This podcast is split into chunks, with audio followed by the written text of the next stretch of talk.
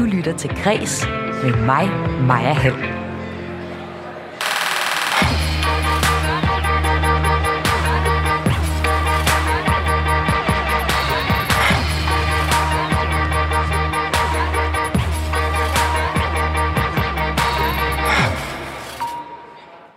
Hvad så, Kim? Sidder du godt? Ja, jeg sidder dejligt. Det er lidt usædvanligt, at man laver radio og sidder ned. Ja. Man plejer altid at stå op. Det er rigtigt. Ja, det er... Det er, fordi vi har 55 dejlige minutter. Ja, Der bliver man sgu træt af at stå op, tror ja, jeg. ja. Det Der er der giver også en med. anden type samtale, når man sidder nede, end når man står op. Tror du, vi bliver klogere at høre på? Ja, det ved jeg ikke, um, om det det håber jeg. Kære lytter og kære gæster her på Bogforum i København. Velkommen til. Det er ikke en hvilken som helst Kim, der sidder ved siden af mig. Det er Kim Leine. Og han er aktuelt med øh, sidste etape, har jeg lyst til at sige, i hans historiske Grønlands trilogi. Det er den, jeg bukker mig ned og rejser, tager over hovedet her. Jeg har gået til CrossFit. Jeg kan løfte den, for det er en over 700 sider tyk bog, jeg har med mig her. Den hedder Efter Åndemaneren. Det er en roman, der øh, rummer blandt andet en guldskat, som ligger ovenpå en grav, en kvinde, der er begravet. Der er familieløgne, og der er forbudte, mange forbudte lyster. I hvert fald på den periode, som film eller som bogen blandt andet foregår i. Den foregår i, øh, også i en lille bygd i Vestgrønland. Den foregår på en opdagelsesrejse langs de barske landskaber på Grønlands østkyst. Og den foregår også i Herman Banks dekadente København. Og Kim Leine, som sidder ved mig her på scenen på, øh, i Bella Centeret på, øh, til Bogforum, han er en tyv. Han er en rigtig tyveknægt, for øh, Kim Leine, han har hapset, og han har rapset fra andre store forfattere. Men det er der ikke noget i vejen med, fordi gode kunstnere låner, men de rigtig super mega dygtige kunstnere, de stjæler. Sådan lyder det gamle ordsprog. Og det ordsprog, det har jeg tyvstjålet som overskrift til den næste times radio her på dit daglige kulturprogram Kreds på Radio 4. De næste 55 minutter, der får dig, der har tunet ind, og dig, der sidder her foran mig i Bella Centeret i København, en samtale om Kim Leines nye roman Efter Åndemaneren. Vi skal tale om, hvordan han har øh, stjålet nogle fede greb øh, fra blandt andet den irske forfatter James Joyce. Og sidst i udsendelsen, sidst i snakken her, der skal vi spise en is. En øh, helt, helt særlig solbæris overtrukket med chokolade. Den har skiftet navn, og dens gamle navn, den har Kim Leine som mand skrevet et helt kapitel om i den her nye Grønlands roman. Mit navn, det er Maja Hall, og jeg vil gerne byde rigtig hjertelig velkommen til Kreses portrætprogram Stjæl som en kunstner. Velkommen til.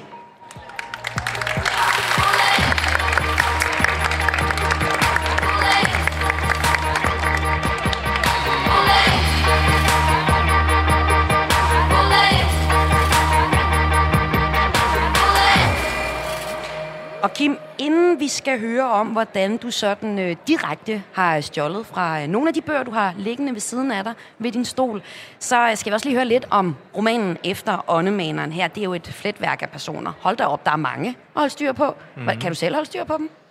Um, ja, ja, det burde jeg jo kun efterhånden.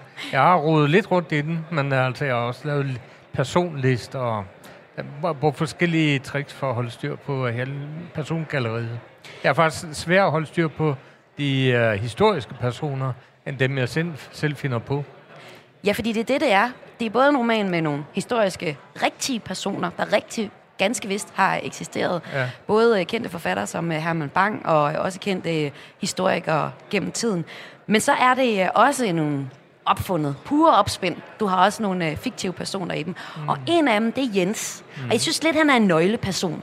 Er det forkert tolket af mig? Nå, han er jo en af de tre hovedpersoner. Okay, på den måde, ja. Ja. Men Jens øh, synes jeg er særlig interessant, fordi han er en af dem, der foretager den rejse, der er fra Grønland til Danmark. Øh, det gør han lidt fordi, og af mange grunde, men blandt andet fordi, at det et brev til Jenses far lyder. Det er sådan noget, der også står bag på romanen, og jeg er kommet igennem romanen, altså jeg synes, fremragende bog. Kim, tillykke med den også. Øhm, men her bag på bogen, så står der for eksempel, kære bror, når du læser dette brev, er jeg død. Så læs dette nøje og gør, hvad jeg, si- hvad, hvad jeg siger dig. Det er vigtigt for dig, for vores familie, for Grønland. Og det synes jeg lidt er essensen, så det er jo meget smart, at I puttede det bag på bogen, der er, og, og Gyldendal. Det her med, at det er Grønland versus Danmark, Danmark versus Grønland. Det er det, det er den konflikt, der er mellem det, og det er også det, Jens på en eller anden måde rummer. Men prøv lige først at forklare med dine ord, Kim. Hvem er Jens? Um, I de to andre romaner, Profeterne Nevisfjorden og Rødmand Sortmand, der er det sådan lidt, lidt tungere maskineri, der starter i Danmark, Norge, og bevæger sig langsomt til Grønland og bliver derop resten af tiden, eller resten af romanen. Uh, I den her roman, der hopper vi rundt mellem tre punkter gennem hele romanen, fordi logistikken er blevet hurtigere med indførelsen af dampkraft og så videre. Det hele går lidt stærkere. Vi er kommet op til 1880'erne. Ja. Og øh, altså tættere på vores egen tid. Og der er Jens, den, der laver den modsatte bevægelse fra Grønland til Danmark. Og øh, forvilder sig ind i den verden dernede. Han skal prøve at finde sin far. Faren viser sig at være død. Øh, og øh, så skal han jo bare hjem igen. Det tager ham 10 år. Så, og der sker forfærdelige øh, ting for ham, og der sker også fantastiske ting for ham. Men øh, han øh, løber vild i Danmark. I modsætning til Morten Falk i Profeterne i Evidsfjorden, der rejste Grønland og får vild i sit eget sind, men også i et rent geografisk i Grønland. Så han laver den, det, det er den modsatte bevægelse, det er det, jeg gerne vil beskrive her. Og du siger det her med, at han farer vild. Han farer jo faktisk sådan helt konkret vild i, i Københavns gader, ja. ham her igen. Men hvad er det for et miljø, som Jens møder, da han kommer til 1880'ernes det, det København? Det er et uh, København, som jeg længe har haft lyst til at skrive om. Fordi det er efter volden er faldet. Der er byggeboom i København, fordi man må bygge ud på Nørrebro og Vesterbro osv. Og, og uh, det fører også en masse andre ting med sig, blandt andet et boomende natteliv det man sige. med teater og café og restauranter og så videre. Og dermed følger der også en masse uh, identitetseksperimenter, som på mange måder minder om vores egen tid, uh, hvor uh, homomiljøet blandt andet eksploderer. Uh, det er stadig ulovligt at være homoseksuel, eller i hvert fald at praktisere homoseksualitet. Øh, så de går i en evig frygt og bæven. Øh, blandt andet Herman Bang, som jo blev udstillet flere gange i pressen, men formodet smutte væk hver gang, plejede at stikke af til Berlin eller Norge eller Paris og arbejde på teater rundt omkring. Det havde han mulighed for. Andre blev hjemme, og øh, øh, det var en kæmpe katastrofe for dem at blive øh, hængt ud i pressen som homoseksuelle, og det ødelagde deres liv meget tit. Så det er det der det lidt paranoide miljø, som Jens øh, dumper ned i, hvor han også undersøger sin egen identitet, sin grønlandske identitet, eller grønlandsk dansk identitet, fordi det er også meget det, der handler om, det at være en blanding. Og hvad er en blanding? Det er ja, så er man ikke noget måske? Nej, det er i hvert fald ikke rigtig vide, hvem man er. Så den søgen efter det, men han søger også efter sin seksuelle identitet. Og der bliver Herman Bang så en eksponent for den søgen. Så romanen her, ikke, den starter ligesom i Grønland, og vi øh, hører om en ekspedition, der også skal afsted. Lidt pludselig så står vi i København og er på øh, til smarte øh, teaterforestillinger og snakker om homo miljøet, som er boomende. Du giver Herman Bang et helt nyt liv og et helt nyt perspektiv for mig. Altså lære om Herman Bang i folkeskolen og lære ligesom hans, øh, hans tekster at kende. Men her har du givet ham en personlighed, og vi møder jo også andre end Herman Bang. Vi møder øh, Holger Drachmann, I.P. Jacobsen, Amelia Skram. Hvorfor er det, at du har lyst til, at en, i, en, i, en, i en øh, trilogi, der ellers handler om Grønland versus Danmark, der har du simpelthen også dedikeret rigtig meget plads og tid til at fortælle om det her miljø i København? Jo, fordi det er jo sådan, historien udvikler sig, at øh, samlivet mellem Danmark og Grønland, det bliver øh, mere og mere en udveksling mellem de to øh, kulturer, hvor det ikke længere bevæger sig tungt fra Danmark til Grønland, men at det skifter, og det, dermed blander det sig også sammen. Flere og flere grønlændere er blandinger, altså børn er blandede ægteskaber. Og øh, der er den der lidt flydende identitet mellem det danske og det grønlandske, som er lidt øh, Grønlands særlige postkoloniale problem, kan du sige. hvor det er lidt mere entydigt med de tidligere afrikanske kolonier, indiske kolonier osv., så er, har Grønland som øh, koloniseret land en, en øh, lidt særlig status og et særlig, en særlig problematik. Og det er lidt det, jeg har prøvet at, at skrive frem i romanen. Ja, du graver dig jo ned i et øh, højspændt emne, ikke? Hvem er man, grønlænder, dansker, og hvem er man, hvis man er begge dele? Mm. Og så kommer du også med noget, som jeg ikke har hørt så meget fra dig før, Kim Leine. Du kommer med noget, hvor du øh, bliver lidt politisk. Ja, det synes jeg i hvert fald. Hvis jeg nu øh, tager bogen op her øh, efter Åndemaneren, det er den, vi taler om her i kulturprogrammet Kreds på Radio 4, hvor jeg sender lige nu på Bogforum i øh, København, og altså har Kim Leine med til det her portrætformat, der hedder Stil som en kunstner. Og når jeg slår op i bogen, så finder jeg det sted, hvor øh, vores hovedperson Jens bliver politisk, og det er der, jeg siger, du er politisk, men det er jo i virkeligheden Jens. Og hvis jeg lige må læse lidt om for, op fra det, ikke? Øh, Jens er ung her, han er ikke rejst til Danmark endnu, han er stadig i øh, Grønland og han bliver tavs. Det er ikke rart at høre på onklens sorte snak. Jeg tager selv ned, tænker han. Jeg tager ned og besøger ham. Det er hans far, han taler om her. Jeg vil læse, lære. Jeg vil være som dem. Jeg skal nok klare det. Jeg vil vise onkel og alle andre, at vi grønlændere er lige så meget værd som danskerne. Hvorfor skriver du det her, Kim? Mm, nu øh, er koloniseringen af Grønland jo på det her tidspunkt varet ved i cirka 150 år. Og, øh, det, og flere og flere grønlændere har været en del af handelen og af den grønlandske mission. Og øh, jeg forestiller mig så, at øh, de her problemer er blevet mere og mere påtrængende for grønlænderne, der har arbejdet sammen med danskere i så lang tid, så det bliver mere og mere reflekteret hvor det i starten har været mere det, umiddel, det umiddelbare problemer og konflikter og sammenstød med danskerne, som jeg prøver at skrive om i Profeterne i Evidsjorden og Rødmand Sortmand.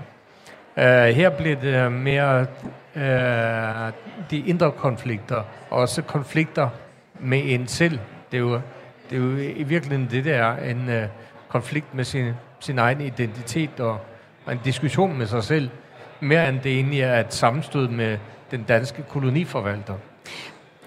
Men Kim, er det her også en kommentar til den identitetspolitiske debat, som er oppe i tiden, som vi har lige nu, som du har valgt øh, Nej. Jens at give her? Nej. Men det er det jo. Det er da det, vi læser. Det, der, det her, Jamen, det kunne da være ja. sagt af alle de gæster, jeg ellers har inde i kreds på ja, Radio 4, det, når jeg taler kultur. Sagtens være det spørger, det gør det sikkert, fordi ja. jeg bliver også påvirket af min samtid. Ja.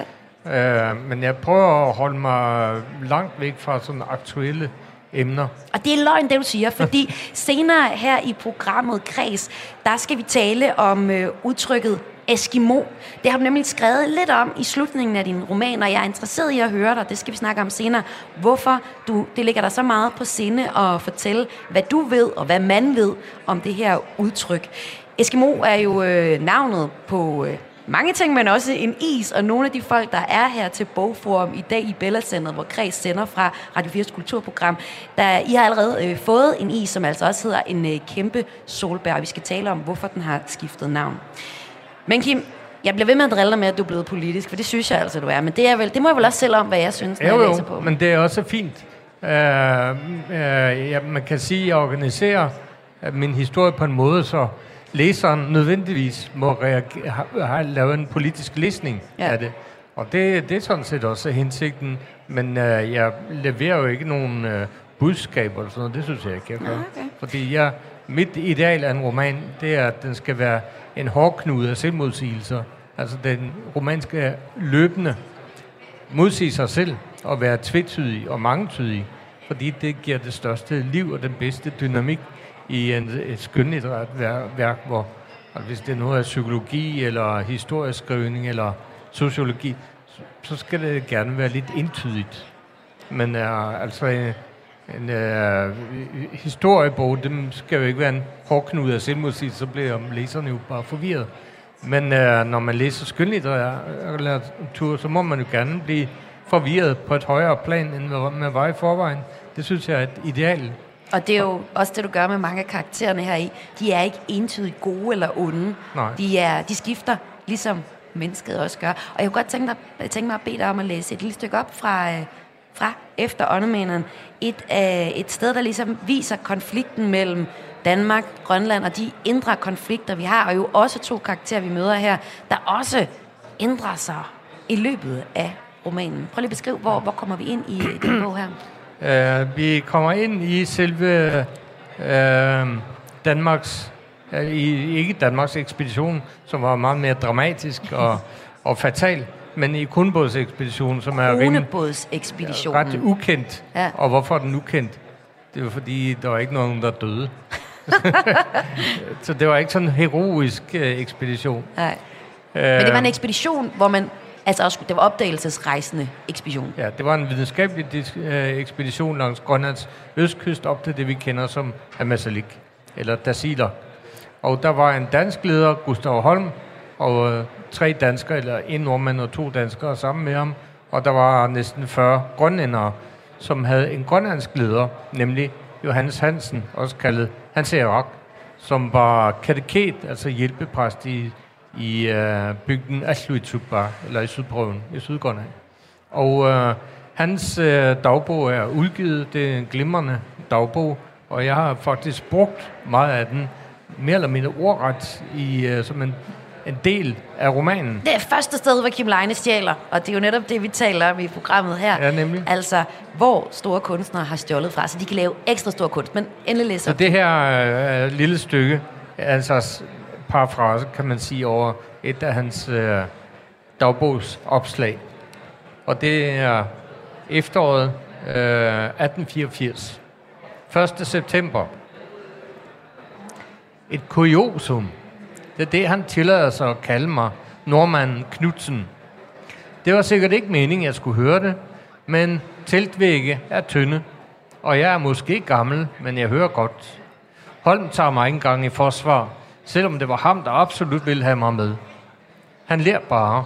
Haha, et kuriosum. Den var god, Knudsen. Haha. Jeg lader som ingenting. Jeg smiler. Jeg ler. Jeg fortæller morsomheder. Jeg har ingen følelser. Jeg er bare en grinende plakat i deres tivoli med teksten Den mundre Eskimo. De burde takke mig. Uden mig ville det aldrig være nået så langt. Uden mig ville det være gået, som det er gået med alle de andre ekspeditioner heroppe, der i bedste fald, som et grå for 50 år siden, slæbte sig tilbage, halvdød af sult og skørbu. Det her er mit land. Jeg kender det. Jeg forstår det. Jeg er vokset op med isens hemmelige sprog. Stormene var mine vuggesange. Jeg ved, hvornår vi skal ligge stille, og hvornår vi kan avancere. Jeg ved, hvordan man flækker en blikkedel sammen, så de kan koge deres grød. Jeg kan sætte et knækket spand sammen, så man næsten ikke kan se sammenføjningen. Jeg kan stoppe en skinbåd, der er læk. Jeg er rigtig nok ikke nogen stor jæger. Jeg kan højst strække mig til at skyde et par ryber op i fjellet med byksflinten, Men jeg kan mærke, når der er vildt i nærheden. Som en lederagtig smag, der lægger sig på tungen. En citron i næsefløjene, lugten af is, der har fået en lille tanke, noget med lys og skygger, der glider ubemærket, ubemærket hen over hovedet på alle andre, undtagen Samuel, vores kajakmand, der mærker det og kan se det på mig, uden at jeg behøver at gøre tegn til ham, og så tager han afsted og kommer hjem med kød. Uden mig måtte de nøjes med deres pemmikan og dåsesupper og opvarmet, opvarmet i hullede kasseroller.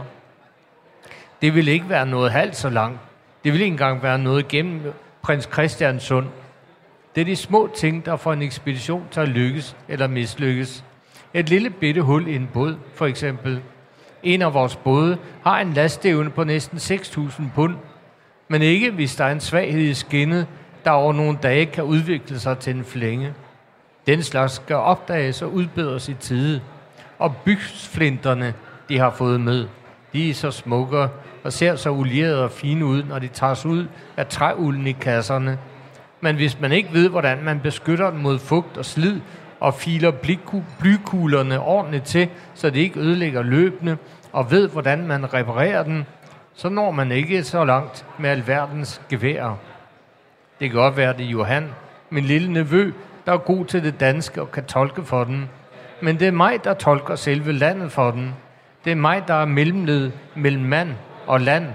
Det er mig, der har forstand på vejret og tolker det for den.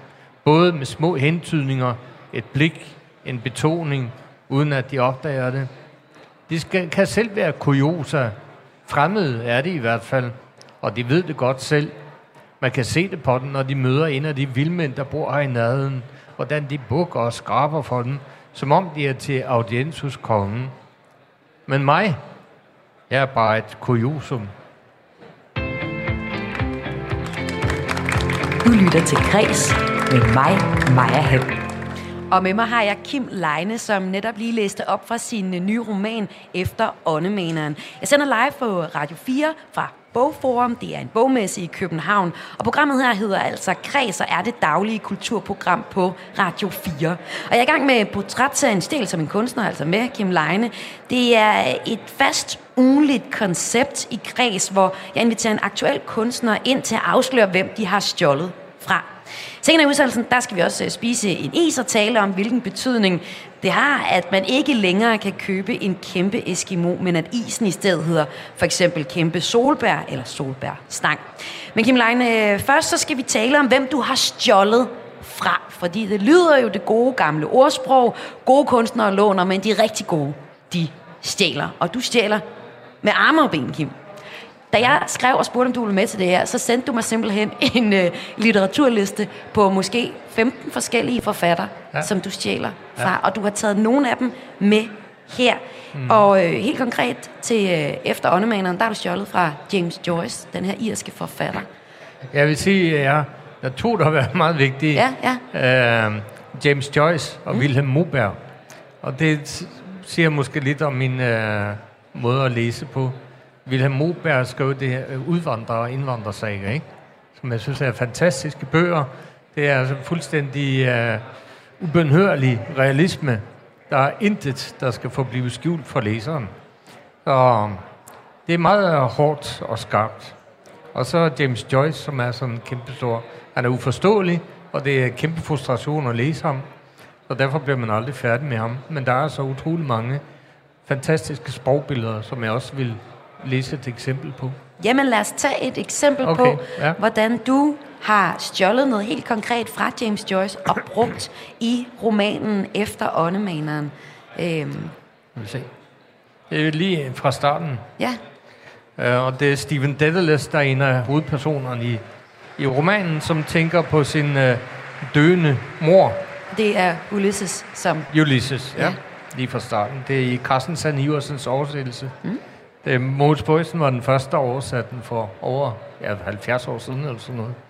Og så er den også kommet på en, øh, en udmærket øh, oversættelse fra vandkunsten, som er mere korrekt. Men Carsten Sand Iversen, han tager sig lidt, han er lidt mere fræk i det, og tager sig nogle friheder, som de, de historisk korrekte, filologiske oversættere ikke rigtig tør at tage. Så jeg, jeg kan godt lide den her. Men albue hvilende på den takkede granit støttede Steven sin håndflade mod panden og stirrede på den flossede kant af sit barkslitte, blankslidte sorte frakkeærme. Smerte, som endnu ikke var kærlighedssmerte, nagede hans hjerte. Tavst i en drøm var hun kommet til ham efter sin død. Hendes tærede krop i løse brune ligeklæder, der udsendte en lugt af voks og rosentræ. Hendes ånde, der havde bøjet sig over ham, stum, bebrejdende, en svag lugt af hvedet aske. Hen over opslagets luslette kant så han havet hilst som en stor mild moder af den velnærede stemme ved hans side. Ringen af bugt og synskreds rummede en mat grøn masse af væske. Havet. Og så kommer der et skift i billedet. En skål af hvidt porcelæn havde stået ved hendes dødsleje og rummet den grønne, flydende, flydende galle, hun flåede op af sin rådnende, rådnende lever med anfald af højlydt stønnende opkastninger. Det synes jeg er fantastisk. Spiller. Ulækkert. Fantastisk ulækkert, Kim. Det er ikke bare ulækkert. Det er en blanding af smukt ja. og ulækkert. Jamen, det kan jeg godt se pointen i. Det er det, øh, som jeg synes er fascinerende at lade ting kollidere, som egentlig ikke bør øh, eksistere sammen. Og hvordan har du brugt det i... Ja, øh, så, så der er jo mange ekoer af ja, Jeg beder dig om at tage læsbrillerne på af hele tiden, Kim. Ja, det er irriterende. har du en løsning på problemet? Ja, man kan vist få laseret sine øjne, hvis det er.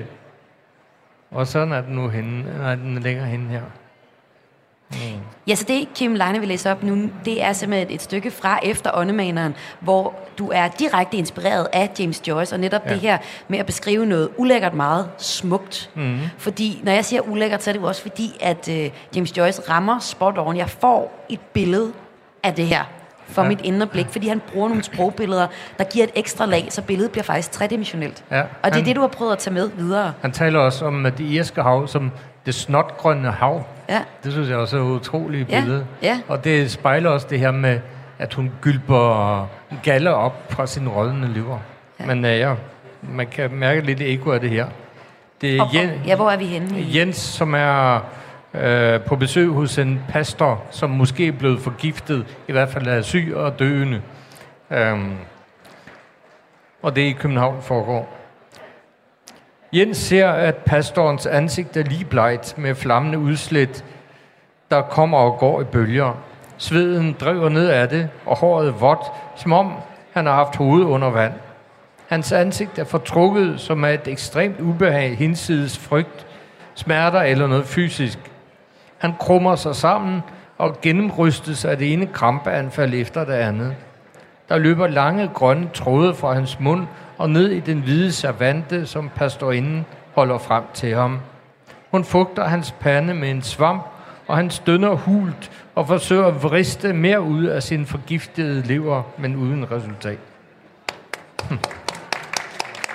Og dig, der lytter med, dem du hører klappe her, det er gæsterne på øh, Bogforum i København, hvor Kreds er rykket ud sammen med vores portrætserie Stjæl som en kunstner, hvor jeg har Kim Leine med, og Kim har lige læst noget op med af efter åndemaner. Jeg blev lidt utilpas, må jeg sige, også med den her øh, oplæsning. Fordi der har du igen også lavet det her tredimensionelle billede, eller jeg kan huske, at jeg engang var en forlystelse, der hed 9D, hvor der også blev sprøjtet med vand. Det var også en, en D. Og det er jo lidt øh, de her mange D'er, du også arbejder med, at vi ligesom virkelig kommer tæt på den her døende pastor. Mm-hmm. Hvordan bruger du ellers James Joyce øh, måde at skrive på? Jeg ved ikke. Er bare hver gang, der er noget, jeg kan lide, så tager jeg det. Ja. Det altså skriver du sådan- det ned sådan helt øh, Ja, konkret? ja, ja, det gør jeg. ja. Øhm, jeg, noterer, jeg noterer meget, når jeg, når jeg læser ham. Og du er ikke ked af, at jeg siger, at Kim Leine stjæler fra øh, James Joyce? Nej, jeg synes ikke, man skal undervurdere værdien af et godt tyveri. Nej. Det, man skal selvfølgelig bare dække sine spor igen. Og det tror jeg, at det her er et godt eksempel på, hvordan jeg laver lidt om på det. Så jeg tror ikke, jeg ville kunne arresteres for tyveriet. Men, så, Det er som at stjæle stævanlæg, og så bygge det fuldstændig om, ikke? Og så når politiet kommer, kan man bevise, det er noget helt andet. men det er jo stadig noget, man er stjålet. Ja, ja. Men hvordan, altså det her med at stå på skuldrene af så meget litteratur, som jeg kan jo høre på dig, altså du ved, hvem der har oversat Ulysses, og hvordan den er blevet oversat på forskellige måder. Du er jo en kæmpe nørd i virkeligheden, Kim. Nej, jeg er ikke nørd. Okay. Ja, det tror jeg ikke, jeg er. Nej, men så føler jeg mig da rimelig dum ved siden af dig, så meget som du kunne referere de oversættelser der. Ja, jeg er meget fascineret. Jeg er fascineret af James Joyce, Ja. fordi han er uforståelig. Ja. Og han lærer en ydmygheden i at læse noget, man ikke forstår. Og det er der faktisk også en af karaktererne, Jens, som vi vender tilbage til hele tiden fra efter åndermanden, der kæmper med det her med at forstå sprog. Ja. Jens er den her grønlænder, der flytter til øh, Danmark i en periode i jagten efter sin far og en guldskat som man kan læse om i øh, bogen efter åndemaneren. Men Jens øh, skal også, øh, han skal være præst, og derfor skal han læse kirkegård, og det forstår han heller ikke en pind af. Nej. Er det det samme forhold, du har til øh, kirkegård? Ja, ja, han er den helt store uforståelighed. Ja. Og han er det lidt på en dårlig måde, synes jeg, for jeg synes bare, han er irriterende. Ja. Uh, det, det, som uh, Herman Bang siger i bogen, jeg ved ikke, om man sagde det i virkeligheden, uh, men jeg lader Herman Bang have en aversion mod Kirkegaard, og han siger, at uh, der er en dunst og kalekammer over Kirkegårds prosa, og det er jeg faktisk enig med ham. Ja, Det er et af de steder, hvor det- jeg er enig med en af mine karakterer. Ja, okay. Hvad, hvad mener du med det? Ja, han var jo en uh, ugift mand, ikke, som uh, skriver om kærligheden, men uh, har måske ikke prøvet så meget af det selv. Hmm. Så Og det er det samme, du ser i kirkegård også? ja, lidt. Ja. ja. Uff. Tænk, at du tør sige det her på Bogforum, at Kirkegård ikke lige er helt god, som man ellers øh, lovpriser ham. øhm, du har også inspireret rigtig mange andre, ved jeg. Øhm, og du gør det her med, at du simpelthen skriver ned, når du støder på noget godt, men der er jo meget af den litteratur, som du præsenterer for mig, der er rigtig gammel. Hvad ja. med øh, nyere referencer? Orienterer du dig i det? Folk, ikke- vi ser her rundt, øh, øh, bliver eskorteret rundt de helt store stjerner. Har jeg sådan set nærmest en bodyguards øh, side om side også. Mm. Nogle af dine holdkammerater. Bliver du også inspireret af dem? Nej, jeg, Du tør har, ikke stjæle for dem, for så opdager vi jeg det. synes bare, de er for tæt på. Ja, Og øh, jeg har brug for distance. ja. Jeg kan også godt lide litteratur, der er skrevet langt væk. Sydamerika eller Rusland og sådan noget. Ikke? Men også øh, en distance i tid, synes jeg er godt for at få det fulde udbytte af, af noget. Jeg, jeg kan godt lide at læse ny litteratur, men jeg kan bedre lide at læse gammel, og jeg synes, det er mere inspirerende. Du lytter til Græs med mig, Maja Hall. Og med mig har jeg forfatter Kim Leine, der har skrevet øh, blandt andet romanen Efter åndemaneren, som vi taler om i dag her på Bogforum i København. Og vi taler om det i konceptet Stjæl som en kunstner, hvor øh, jeg prøver at hive ud af Kim, hvad han har stjålet fra. Det er faktisk rimelig nemt, fordi Kim er glad for at dele ud af alle dine referencer. Tak for det, Kim. Vi har lige hørt, at, at øh, James Joyce er en af dem, en af de helt store, du stjæler fra. Og i det her koncept, der kan jeg også godt lide at spørge jer kunstnere, hvordan I arbejder. Og jeg bliver gang på gang overrasket, fordi jeg har, skønt jeg er øh, kulturjournalist på Radio 4, bliver overrasket over, hvor grundige I arbejder med jeres ting. Hvor meget det er et dayjob, et 8-17 job at være kunstner i 2021. Og jeg tror måske, du er en af de mest dedikerede, jeg har talt med. Altså for eksempel, da jeg kontakter dig, Kim, der siger jeg, kan vi tale sammen om formiddagen, sådan ved en tiden, og så siger du nej tak, fordi der arbejder jeg. Hvordan arbejder du, Kim, når du for eksempel skal skrive... øh, Det er så vidt muligt fra halv 8 til 15 hver dag. Ja, Så det er, et, man kan sige, et borgerligt kontorjob, jeg har. ja, Det giver en tryghed øh, og nogle øh, rammer, som øh, inden for hvilke vildskaben kan udfolde sig. Øh, og have sådan en vild arbejdstid og skrive vildt samtidig, det bliver jo dobbelt vildt, så vil man jo gå fuldstændig nedenom og hjem af dårlige nerver. Og det er der jo nok også nogen, der er gået, gjort gennem tiden med, at der findes den her myten om øh, den lidende forfatter, der sidder klokken lort om natten og skriver ja. nærmest øh, i blodet fra det åbne sår i sin ja. arm, ikke? Jeg vil Men der sidder en- du klokken 8.30 med en kop kaffe på et kontor Jamen, og skriver. jeg, jeg vil hellere være en lidende forfatter, der skriver mellem halv 8 og 15 hver Ja. dag. så, så lukker jeg ned kl. 15 og er sammen med familien og Ja. ja. ordner de praktiske ting. Øhm, så jeg har slet ikke øh, plads i mit liv til at ligge og rode rundt midt om natten og skrive det. Det kan jeg slet ikke. Men når du så skriver, så siger du så, at vildskaben, den er så mellem klokken halv 8 og, eller klokken halv øh, 9 og, og 15. Ja. Og øh, i den vildskab, der er der nogen, der taler til dig, ved jeg. Fordi øh, mange af de folk, som man kan møde i dine romaner, nu snakker vi om den her Grønlands trilogi, hvor der er nogle gengangere i de tre romaner, selvom det er selvstændige romaner. Øhm, profeterne i evighedsbjorden, sortmand, øh, rødmand, rødmand, sortmand, jeg bytter om på dem. og altså senest der efter åndemaneren. De personer, det er jo nogen, der øh, faktisk taler til dig, som om, at det var nogle stemmer. Ja, Hvordan fungerer ja. det? Jeg hører stemmer. Ja. Er rigtigt. Øh, Rødmand Sortmand, der brød det virkelig igennem. Ja, Øh, mere end der har gjort tidligere. Hvor jeg skrev øh, romanen i tredje person i første omgang. Men øh, så begyndte... Øh, ja, så kom der en fyr, Nils Ede, hans Egedes søn, og begyndte at ævle en rigtig historisk figur, som ja. Vi alle sammen i hvert fald lige kom i tanke om en gang til og sidste. som har skrevet øh, dagbog. Så han skrev utroligt dårligt. Uh, hans bror Paul Ede skrev også dagbog. Han, han uh, er meget velskrivende. Paul Ede var købmand, broren var præst. Og, sådan, Og øh, præsten, der tager, til, tager fra Danmark til Grønland for at gøre grønlænderne kristne. Ja. Og så er det altså hans søn, som... Ja, øh, Niels du- Ede. Niels Han Ede, du var inspireret. købmand. Ja. Og uh, han skrev dårligt. Men, uh, Men så er det godt, vi har dig, Den der der skriver dårlige stil, det udnytter jeg lidt i hans måde at skrive på. Ja. Så det er... Det var en slags uh, butaleragtig oplevelse, jeg havde med ham. Men det lyder jo helt syret. Altså, er det sådan, du lukker øjnene, og så kommer den her stemme, og så begynder du at skrive på din lille Man skal i laptop? hvert fald lytte efter den der stemme, Ja. fordi den føles meget virkelig. og øh, når man først har fået fat i den, så skriver den så, det bliver så altså automatskrift, den øh, skriver næsten sig selv. Så man skal være meget lydhør for den, og øh, så skrive ned det, den siger. Det er en, lidt den uh, magiske oplevelse. Hvad med øh, efter åndemaneren? Har der været nogle... Øh, der er nogle vildt stærke kvinder i den her øh, roman også. Var der nogen af dem, der viskede til dig, eller hvor kom Ja, de fra? Sara, hun øh, har et stort øh, øh, dagbogsafsnit, Ja, og hun kommer prøv til lige at fortælle, hvem hun er. Sara er, vi har Hans Erik, der er den præst, der har skrevet den her hjælpepræst, som øh, skrev dagbogen her. Hans søn, altså hans øh, øh, Ja, datter, det er Kim har heller ikke helt styr på hans datter Sara, ja, øh, flytter på et tidspunkt ud i Vildmarken hos en øh, ældre dansker, vist nok, som, øh, hvor hun er tjenestepige. Og senere flytter hun op til Julianehub, til kolonien. Og der skriver hun en lang dagbog. Og hun søger også efter sin identitet, fordi hun ved ikke efterhånden, hvem der er hendes øh, far, og hvor hun kommer fra. Så det er hendes identitetsproblem. Og det øh, udformer hun så til en vis grad i den her dagbog. og er hun også en af de, stemmer, der har talt til dig i den Ja, her? Ja. Ja, altså med hende, der besluttede jeg mig for, at egentlig skal man ikke pine deres stemmer frem. Man skal vente til de kommer af sig selv.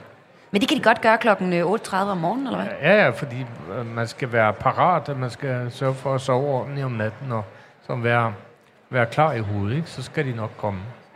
Men øh, med Sara, der besluttede jeg mig for at give hende et kapitel, så begyndte jeg at skrive, og efter, efterhånden kom hendes stemme så. Så det kom lidt gradvist med hende. Men med Hans ærak her, der begyndte han at snakke af sig selv. Jeg havde også hans dagbog i forvejen. Så det er lidt forskelligt, hvordan det sker med de her stemmer, om de kommer uinviteret, eller om jeg prøver selv at, skrive mig frem til dem. Og Sara, hvordan var øh, hun, når hun talte til dig? Fordi i romanen, så har hun altså... Øh, jeg kan godt sige, at hun passer godt ind i 2021's øh, Vogue-tid. Altså, hun er en kvinde, der godt ved, hvor hun vil hen og hvad hun vil. Ja, jeg vil uh, skrive hende som uh, mut og lidt usympatisk uh, Ja. kvinde i udgangspunktet, og så prøve at arbejde mig frem til noget, hvor vi kunne leve os ind i, hvordan, i hendes følelsesliv. Så det er lidt projektet med hende. Ja. Hun er ikke sådan en, der giver ved døren. Uh, hun er ikke særlig venlig. Hun er faktisk ret uvenlig og afvisende og sur. Så det var udgangspunktet for hende. Og jeg, du smiler, når du fortæller det her. Det gætter jeg på, at du også får et eller andet forhold til de karakterer, du bygger op i de her romaner. Ja, altså jeg-personerne, dem får jeg et forhold til.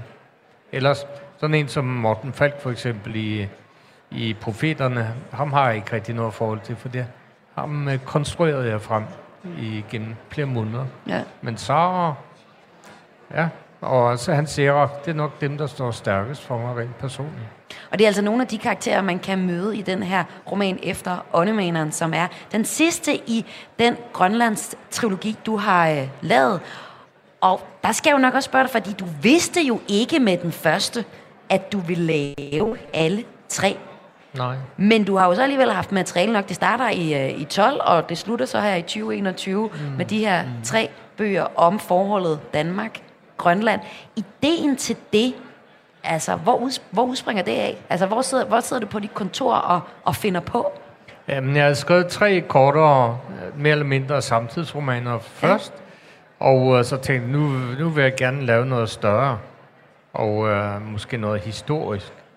Og øh, så sendte jeg 10 synopser til min redaktør, Simon, og spurgte, kan du ikke vælge en af dem her? Og der var så profeteren i Evidsfjorden med, så pegede han på den. Jeg, så siger han, jeg tror, det er den, du helst vil skrive. Og så skrev jeg på den, og tænkte kun på den som en enkeltstående roman. Men blev så på et tidspunkt interviewet. og Jeg har en vis tendens til at få galopperende Tourette, når jeg snakker med journalister. så, jeg, Du har jo været meget sød i dag, Kim. ja, ja.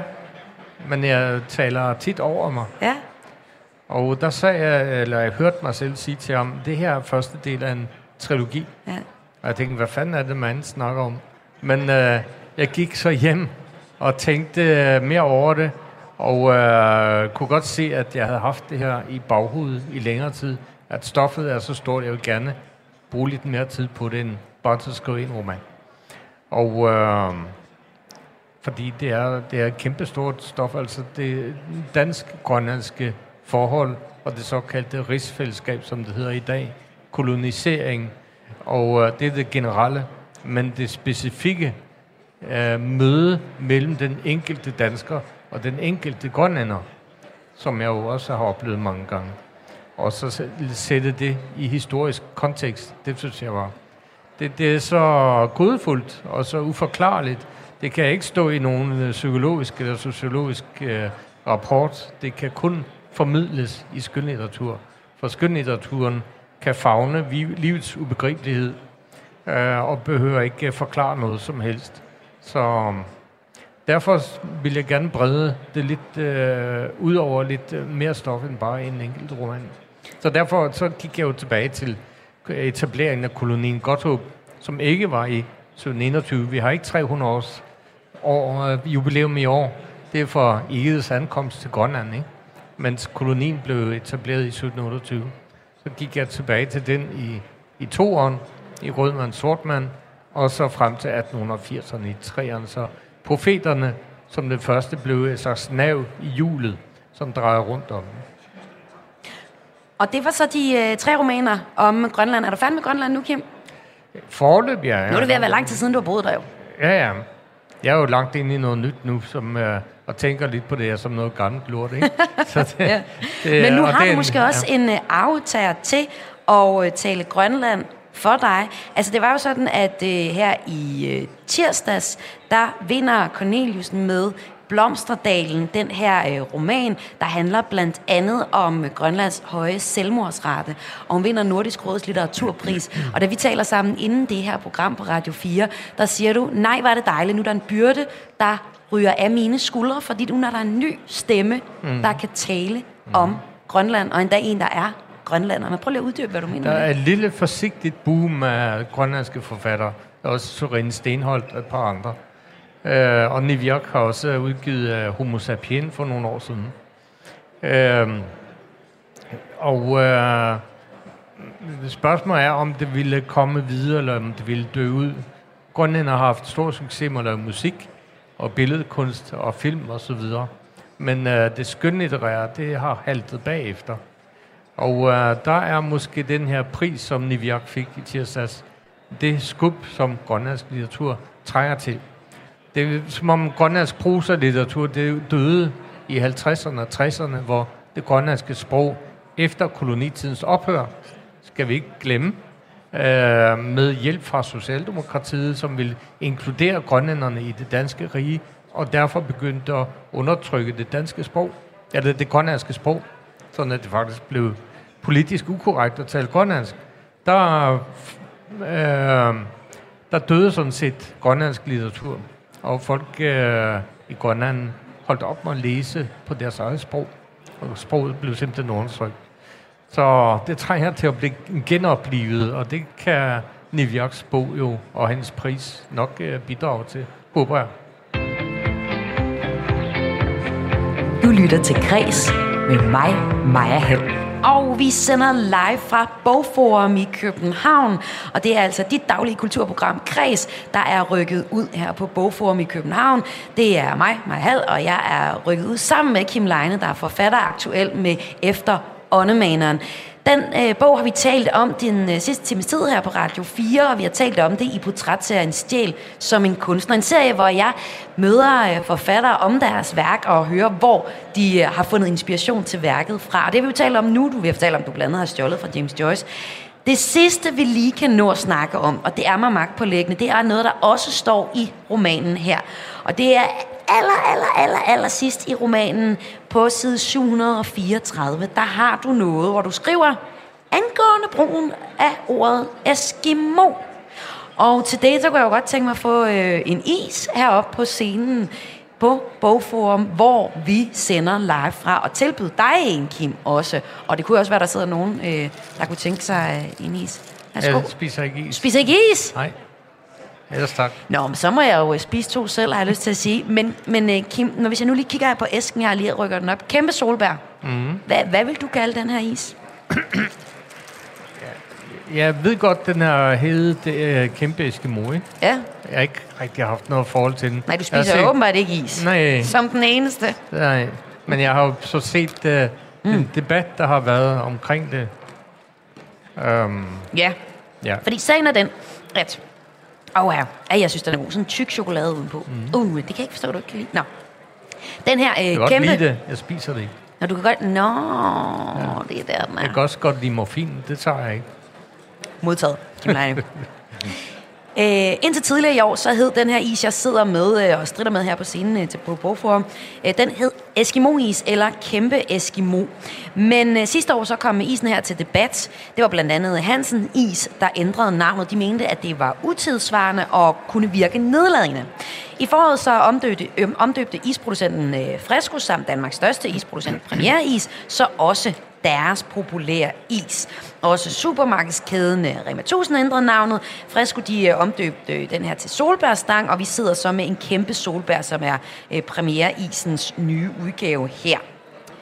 Du skriver så om ordet Eskimo i din roman. Hvorfor er det så vigtigt for dig at skrive et øh, afsnit om det i en bog, der jo øh, et par gange er der nogle af dine karakterer, der siger Eskimo, men hvorfor, hvorfor, hvorfor vil du Nu, gerne? nu skriver jeg ikke om det i min roman.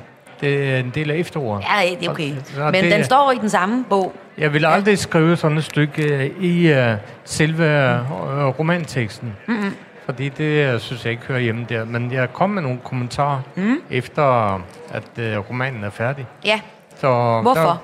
Der, jo, men jeg synes bare, det er sjovt lige at... Jeg tror, der er mange, der ikke aner, om de må sige Eskimo, mm. eller hvad skal man så sige? ja hvad synes du? Øh, det kommer an på, hvad vi snakker om. Isen. Så er man velkommen til at sige Eskimo. Det synes altså, verdens problemer forsvinder ikke på magisk vis, bare fordi man kalder en is noget andet. Men jeg synes, når grønlænderne udtrykkeligt øh, ønsker ikke at blive kaldt Eskimo, så skal man lade være med at gøre det. Ligesom afrikanere ikke ønsker at blive kaldt ved N-ordet, ikke? Ja, det er Altså, sjovt, du siger hvorfor- N-ordet, men du siger ikke E-ordet. Nej, jeg kvier mig for det, Ja, og det er måske fejt. ja. Det kan jo være, det er det. Jamen, det ved jeg, men hvorfor siger du så egentlig Eskimo?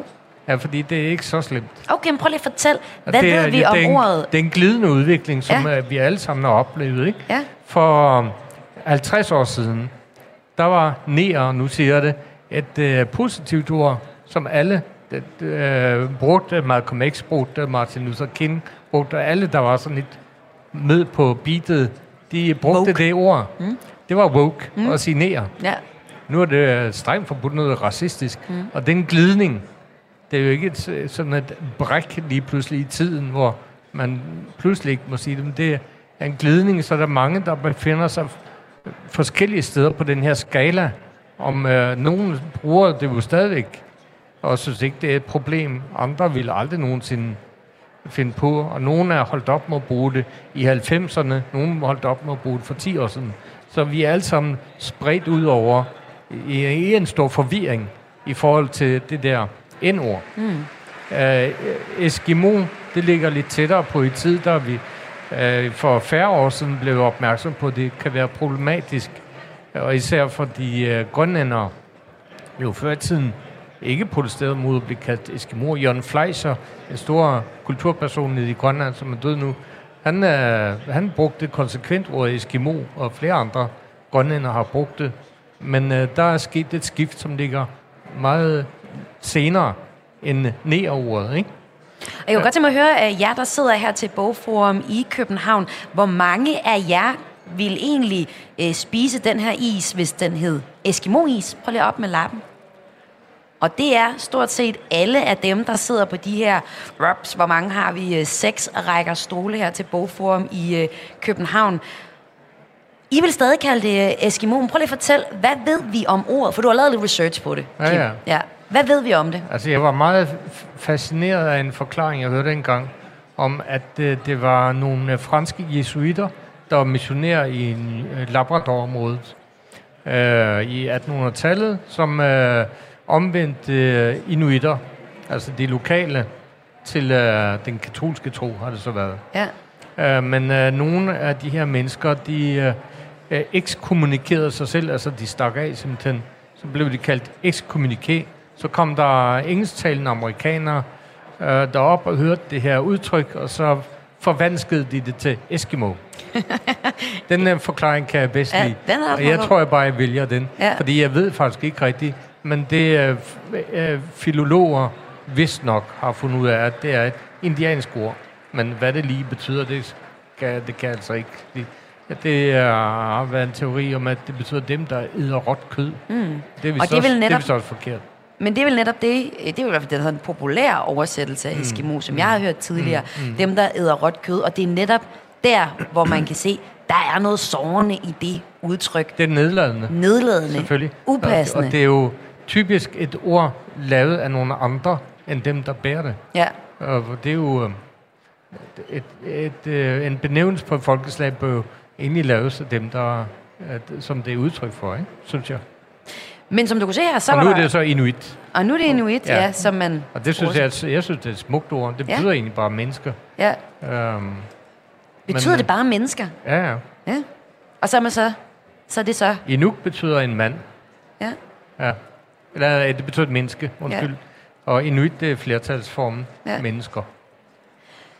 Men så kunne du se her, at øh, folk, der er her på øh, Bogforum i København, hvor Kreds sender øh, live fra, altså med konceptet her, Stjæl som en kunstner, hvor jeg taler med forfattere om, hvem de har stjålet fra, de synes, at Eskimo er et ord, der burde være der stadig, mm. og vi burde bruge det ord.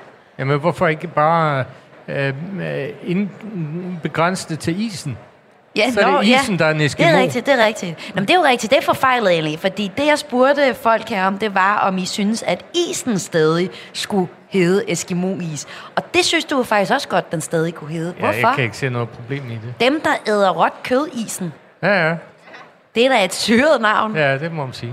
At, hvorfor er det, problemet ikke er der, når det er navnet på en is, men det er der, hvis man omtaler et folkefærd? Kim Leine? Ja. Altså, jeg vil hellere aldrig... Jeg vil jo ikke bryde mig om at spise en næreis. Og undskyld igen, jeg bruger. Men det er jo... Øh, øh, det er jo øh, meget mere problematisk. Og det har jo noget at gøre med følelser, og det har noget at gøre med den, øh, den glidning, der er sket i ordenes betydning øh, blandt folk. Og der er, ligger det med Eskimo. Det, det føles meget mindre problematisk. Ja, for, for Så dig. Det, så det, jeg kan ikke definere det bedre. Så det er en følelsesting, ikke? Men altså, Kim, du er jo en, en driftig forfatter, og vi kommer jo garanteret til at sidde her om en, om en 10 år igen, hvor du har skrevet Hovsa, så blev det lige til en, jeg ved ikke, hvad det hedder, en psykologi, når du har skrevet din syvende bog af, af det, af det her øh, Grønlands historie. Tror du så, at vi også siger Eskimo til den tid? Nej, det, øh, det ved jeg faktisk ikke. Jeg tror det ikke. Jeg tror, der bliver mere og mere opmærksomhed omkring øh, grønlændere Ja. og øh, andre arktiske folk foretrækker at blive kaldt inuitter. Ja. Så det tror jeg efterhånden går op for folk. Og du skriver jo så i din øh, roman, i efterskriftet, ikke i romanen, men i efterskriftet, der skriver du så, at øh, Eskimo er et ord, du ikke vil bruge, men du bruger det jo faktisk i romanen. Der er jo flere, der, der siger det. Ja. Hvorfor har du ladet dem sige det? Fordi de lever i 1800-tallet. Men hvis det nu var øh, sorte mennesker, de skulle skrive om, ville du så også have ladet dem sige nære? Ja, det vil jeg gøre. Ja, det er man nødt til, altså, så viser man jo, hvordan sprogbruget er på den tid, altså at det er, og det er jo heller ikke racistisk øh, af en mand i 1800-tallet at sige nære, mens det er racistisk af en person, mener jeg, at sige det i dag. Kim Leine, vi øh, er nået så langt, at øh, der ikke er meget igen. Så jeg tror, jeg vil til at sige tusind tak for, at du var øh, med her i øh, Kreses kulturprogram selv tak. til at tale om, hvem du har stjålet fra, blandt andet James Joyce. Også give lidt refleksioner over udtrykket her, øh, Eskimo. Og øh, lige til sidst, Kim, du siger, at nu er du færdig med Grønland. Du er egentlig langt fremme nu. Hvilket land skal vi til næste gang, vi besøger Kim Leineland? Vi skal til Rusland. Ui, og hvad sker der i Rusland? Er der gemt og skatte? Ja, der er, Forviklede Der personligheder. er spioner, Og spioner. Amen, Kim. og der er også kærlighed. Og det kan vi altid bruge til noget. Kim Leine var med her på Bogforum, hvor vi sender live fra i dag. Altså dit daglige kulturprogram Græs, der er rykket udenfor. Kim Leine, giver ham en stor hånd.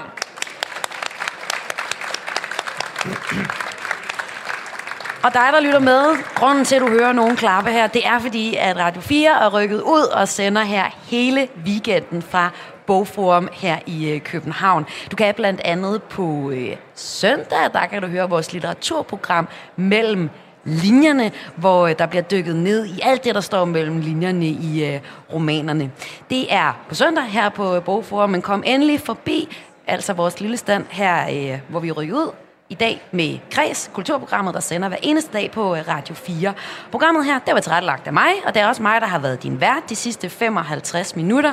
Mit navn, det er Maja Hall, og hvis du ikke kan få nok af at høre Kres, og det ved jeg, du ikke kan, så find programmet som podcast, der hvor du plejer at lytte til det. Ha' en rigtig god eftermiddag.